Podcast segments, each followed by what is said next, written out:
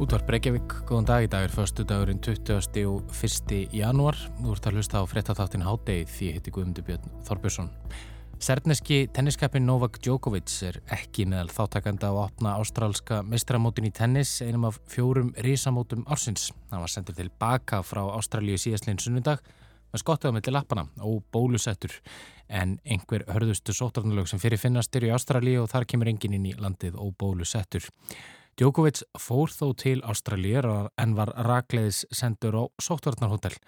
Hann vann mál fyrir ástralskum domstólum sem heimiluð honum að keppa en þeirra ákverðun var að endingu snúið við. Novak Djokovic er eitt besti tenniskappi allra tíma og hefur málið hrundið af stað nokkus konar milliríkjadeilu millir Serbi og Ástralíu.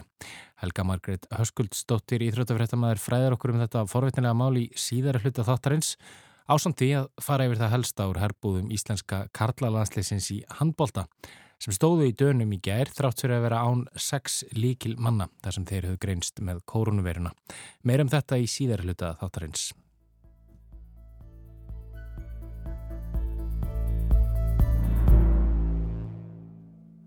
En við byrjum hátegi þennan förstu dag í janúar á örskýringu vikunar með alla fannari Bjarkasinni. Í örskýringum sinum leytast allir fannar við að útskýra flókin og oftar en ekki furðuleg fyrirbæri og sem einfaldast hann hátt og í dag er viðfangsefnið svo gulluð mýms. Velkomin allir fannar. Takk fyrir það.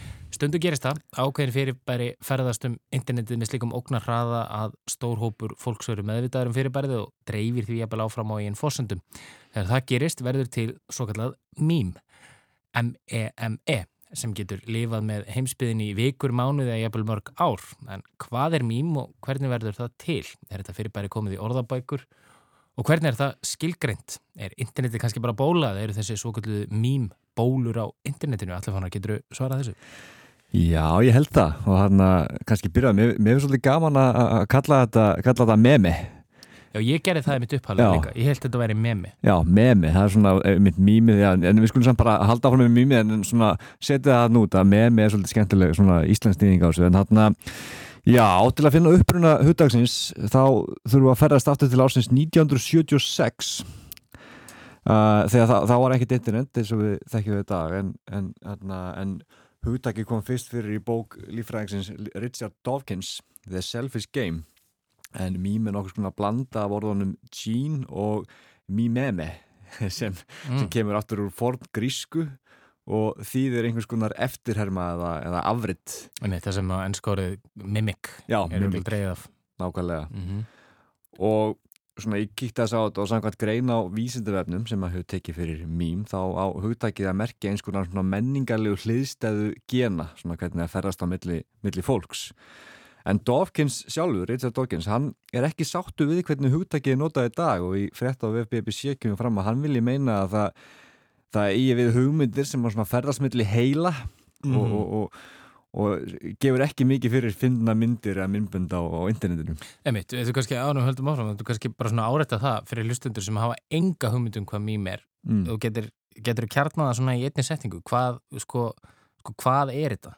Er þetta, er þetta er þetta einn ljósmynd með, við sjáum að það er oft búið að skrifa einhvern textæn á hana. Getur þetta verið, getur þetta verið gíf eða svona reyfimynd þetta getur verið rauninni hvað sem er sem að verður vinsat á internetinu. Það, það, svona, þetta er orðið svona uh, hugdagi verið allt saman en svona uh, hvað ég segja svona útbreytasta mynd mýmsins er einhvers konar mynd af einhverju oft skjálskótu myndbandi eða eitthvað svoleiðis með texta á það sem að þú svona persónu gerir Svona, mm. svona, svona eignar þetta svolítið myndina á myndin einhvern við um þig einmitt, einmitt. En, en, en þessi uppbrunlega merking hugdagsins sem varst að ræða náðan sem að, að Richard Dawkins uh, talar um rýmar hún, ekki ágætlega við þó hvernig við nótum þetta í dag? Jú, ég myndi segja það, ég myndi segja að hugdagið hafi mögulega bara með tímanum úrkynjast eða stökkbreyst eins og nú í tísku að tala um í dag og, og og að dreifing hugmynda sé, það er svona ágætið skilgrinning á mým eins og við þekkjum það í dag, það sem að fyrir bara svona nær yfirleitt flýja þegar fjöldi fólks hermir eftir hvert öðru og, og deilir til dæmis sömu myndinu eða mymbandinu já, viðbættu einhvers konar personalegu stílbræði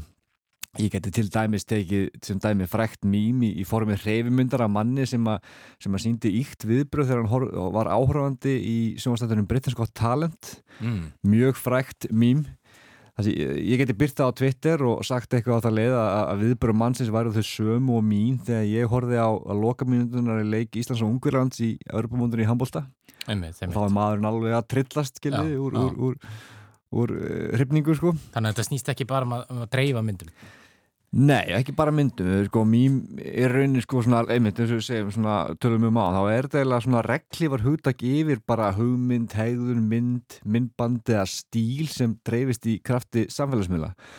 Og Oxford orðabókinu er sjálfsögur búin að skilgjörna þetta og hún, hún notar bæði skilgjörningu Dawkins á þann um, um, um þessa, þessa, þessa, menningalega, menningalega uh, genatengingu eins og hann talaði um mm -hmm og svo nýju skilgjörninguna þar sé að mým sé mynd, myndbandi eða texti sem dreifist á milli fólks á internetinu, internetinu og oft það sem búið er að nota húmor til að breyta samenginu. Emitt, við sögum hérna á þann að við gerist báðir segir um að, um að kalla þetta fyrir bara meme í, í byrjun. Eh, er til eitthvað gott íslenskt orðið fyrir mým? Já, sko við höfum stundum nota orðið jarm og fjölmiðlar hafa notað jarm en það hefur ekki náðin svona sérstaklega sterkur fótvestu en sjálfur einmitt er ég hryfnarinn bara af memi mm -hmm. að það er líka, það er, er vísun í þetta jarm. Já. og svo hlýtur líka að vera vísun í þessa, þessa hjarðhegðun sem við, sem við erum, að, erum svona segum þegar við erum að dreifa mými. Einmitt, einmitt. og náttúrulega jarmið er kannski tilraun til þýðingar af þessu út frá þessum miskilningi sem við, við gerum segir um að kalla þetta memi einmitt, og þá er kannski bara memi betra. Já Einmitt, einmitt. Uh, já, er einhver, er einhver til einhver góð dæmi um svona íslensk mým? Já, alveg fjölmörg og, og mjög gott dæmi er til dæmis þegar Nilli, sem við þekkjum nú flest, já. kom fram á sjónarsviðið. Einmitt. Þá var hann gripin í viðtala á mbl.is á, á monitor sáluga og hann rappaði fyrir áhærendur, sæli Nilli og ég var að banga chicks og hann var svo landsfrægur, landsfrægur í svona ákveðnum kreðsum á einu nóttu en rapptekstin lifir enn og Nilli hefur svona í kjölufari gert það mjög gott síðast bara í, í stundin okkar einmitt, einmitt. það var svona mým sem, að, sem er unni að með mig sem kom honum á sjónasviðið og kannski fylgir honum um ókomna tíð já, algjörlega og það er kannski líka enginni þessara, þessara mý, mýma að, að þau, þau fylgja fólki og hvort sem, að, sem því unni líkar betur að verð mm -hmm. einmitt, einmitt Já, get ég spurt þig núna, hvað gerist næst? Halda mýmin áfram að lifa að munu þið þróast? Já, það spurning hvernig þið þróast, en ef við ekki bara segja að það sé örugt að fleiri mým verði til og ég saknaði að svolítið svona undafarið að sjá svona mým í formi svona einhvers svona görðar eins og til dæmis plankið á sínum tíma sem varð svona mm -hmm. mým, þá var fólk sem að þá, þá tók fólk um allan heim mynda sér í sömu stellingu og úr varð einhvers konar mým og við, það er svolítið síðan við fengum að sjá svona, svona gjörð sem mým Þannig að ég, ég vil fá meira, meira þannig á, á nýjári Heyri það, hlustandi góðir við þurfum að sjá fleiri og fjölbreyttari mým á nýjári, gera það ekki fyrir komin í háttegið Allir fannar. Takk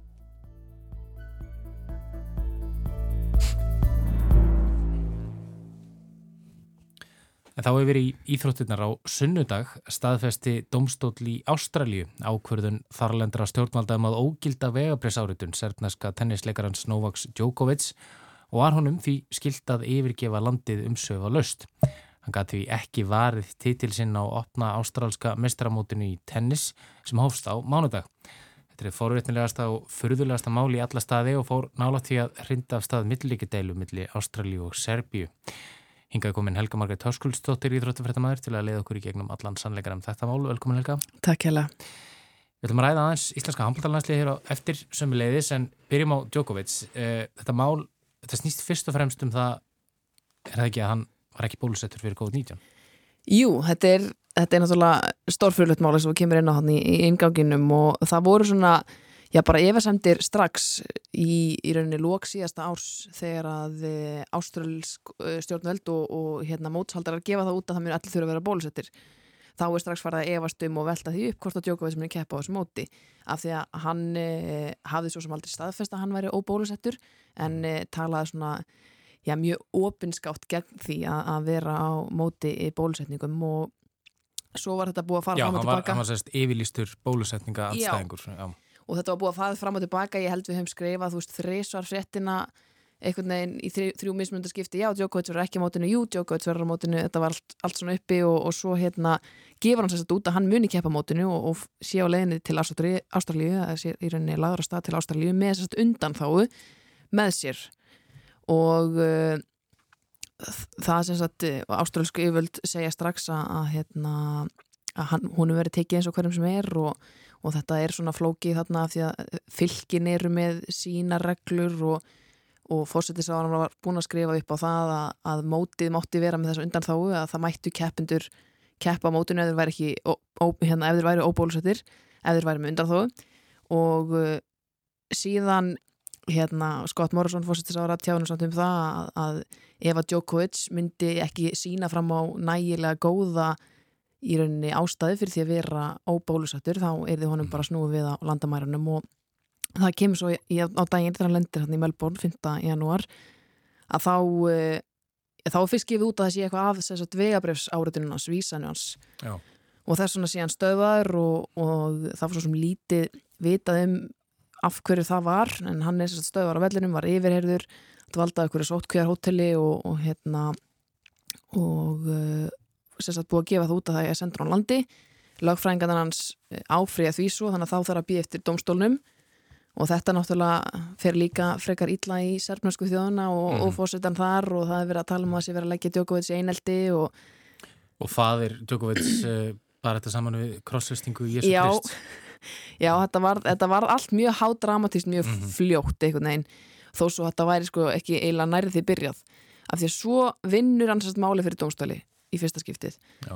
og uh, fær sagt, er sleppur af þessu sótkvæðarhóteli og þeir staðfesta það að hann hafi verið með nægilega góða ástæðu e eða í það minnst að vera með gögn til þess að, ja, sem, að sem að passa við það sem hann held allavega hann ætti að sína fram á og ástæðan sem hann hafði þessist að baki sér var að hann hafi nýlega greins með COVID og hérna fekk jákvæmt og PCR prófið hann eitthvað 16. desember um, sem að er samt ekki nægilega góð ástæð fyrir því að vera ekki bólusettur mm -hmm. kemur svo á daginn.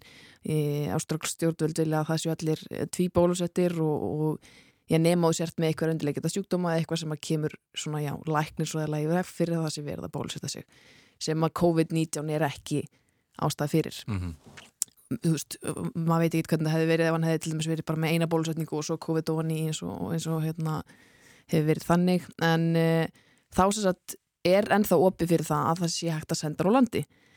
Uh, en hann er samt farin að æfa fyrir mótið og, og farið að já svona, lítur sér vel út fyrir hann. Og hann tjáði sig um álið að, hérna, af því að það var nú svona þögn frá hann lengi vel og hann tjáði sig um þetta og, og byggðist meðal annars afsökunar á því að hafa á meðan hann verður með COVID af því að svo kemur það upp á daginn að, að hann segist að það fengi ákvæmt úr þessu PCR-prófi en fólk vissi að hann er í viðtali hérna við eitthvað bladamann þú veist eftir að það gerist og hann var á okkur um körfuboltaleik og það var svona alls konar dót og hann byggst afsökunar því að hann var að broti hérna sóttunarreglur og síðan var það sko þriðja atrið sem var sem sagt, það var villa í þessu sem hann hérna, fylgti inn til hann kom til landsins. Þá ef að fólk hefur verið að ferðast í þessum faraldri þá kannast það kannski við að, að þú þarfst að merkja oft við sko hvort þú hafi verið ekstra annar staðar enn í landinu sem þú þarfst að koma frá síðustu 14 daga Hvernig, já þegar það voru þessi rauðu listar og alls konar. Nefnt.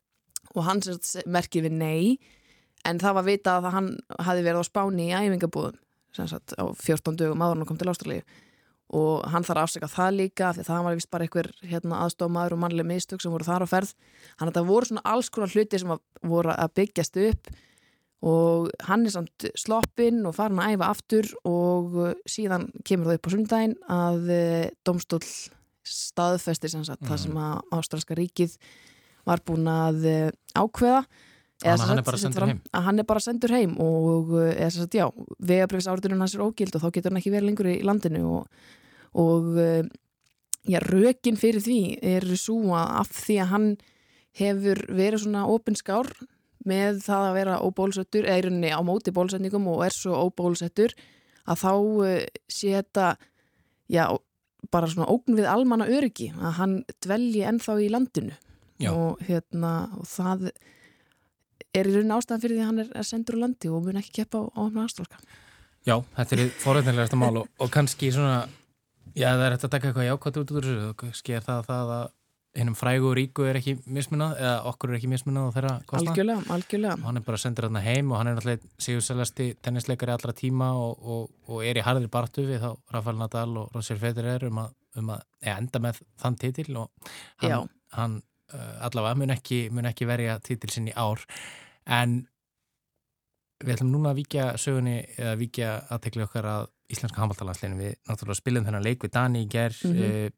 stóðum í þeim Algjörlega. fínasti leikur Algjörlega. sex líkilmenn væri fjari vegna COVID-19 ég verði að spyrja þig, er eitthvað frétt áur herbúum íslenska leysins, eru, eru fleiri sem liggi í valnum?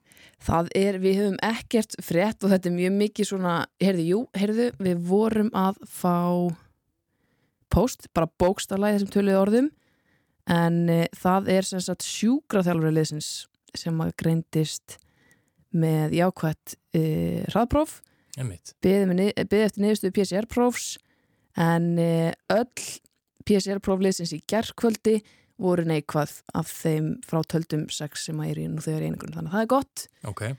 og uh, þetta er nú svo heimilislagt að uh, sjúkrafþjálfarinn er fadir eins, af, eins þeirra sem er smittaður hann að maður sér svona kannski smidleina þar. Mistur, og það var kannski sama með Var hann á begnum í gerð? Hann var ekki á begnum í gerð okay. þeir hafa kannski þeim hefur kannski þótt að uh, urugast Já, að hann, að hann væri ekki þar og svo er náttúrulega fyrir utan það að vera pappi eins þeirra þá er hann náttúrulega búin að meðhendla það á alla þannig að hann er mhm. kannski búin að vera svona í meira návíi mm. heldur um margir en þetta er þá allavega gott Já. að það séu ekki fleiri smitt í hópnum enn sem komið er en þeir eiga vantilega eftir að fara í smitt í þess að prófi dag það voru að prófa svo oft Þannig að við höldum áfram að vera bara með hjarta í buksunum í hver skipti sem að gefa tölvupóstur. En er örugt að, að þessi leikmenn sem að smittuðist þarna í gerði fyrir dag, þeir, þeir verða ekki með á móti frökkum á morgun? Það er örugt, allavega eins og við skiljum þessar reglur, þá er það fymtaðir einangurinn mm. sem að þýðir að þeir verða ekki klárir fyrir enn í síðasta leika móti svartfjöldalandi á miðvíkudag.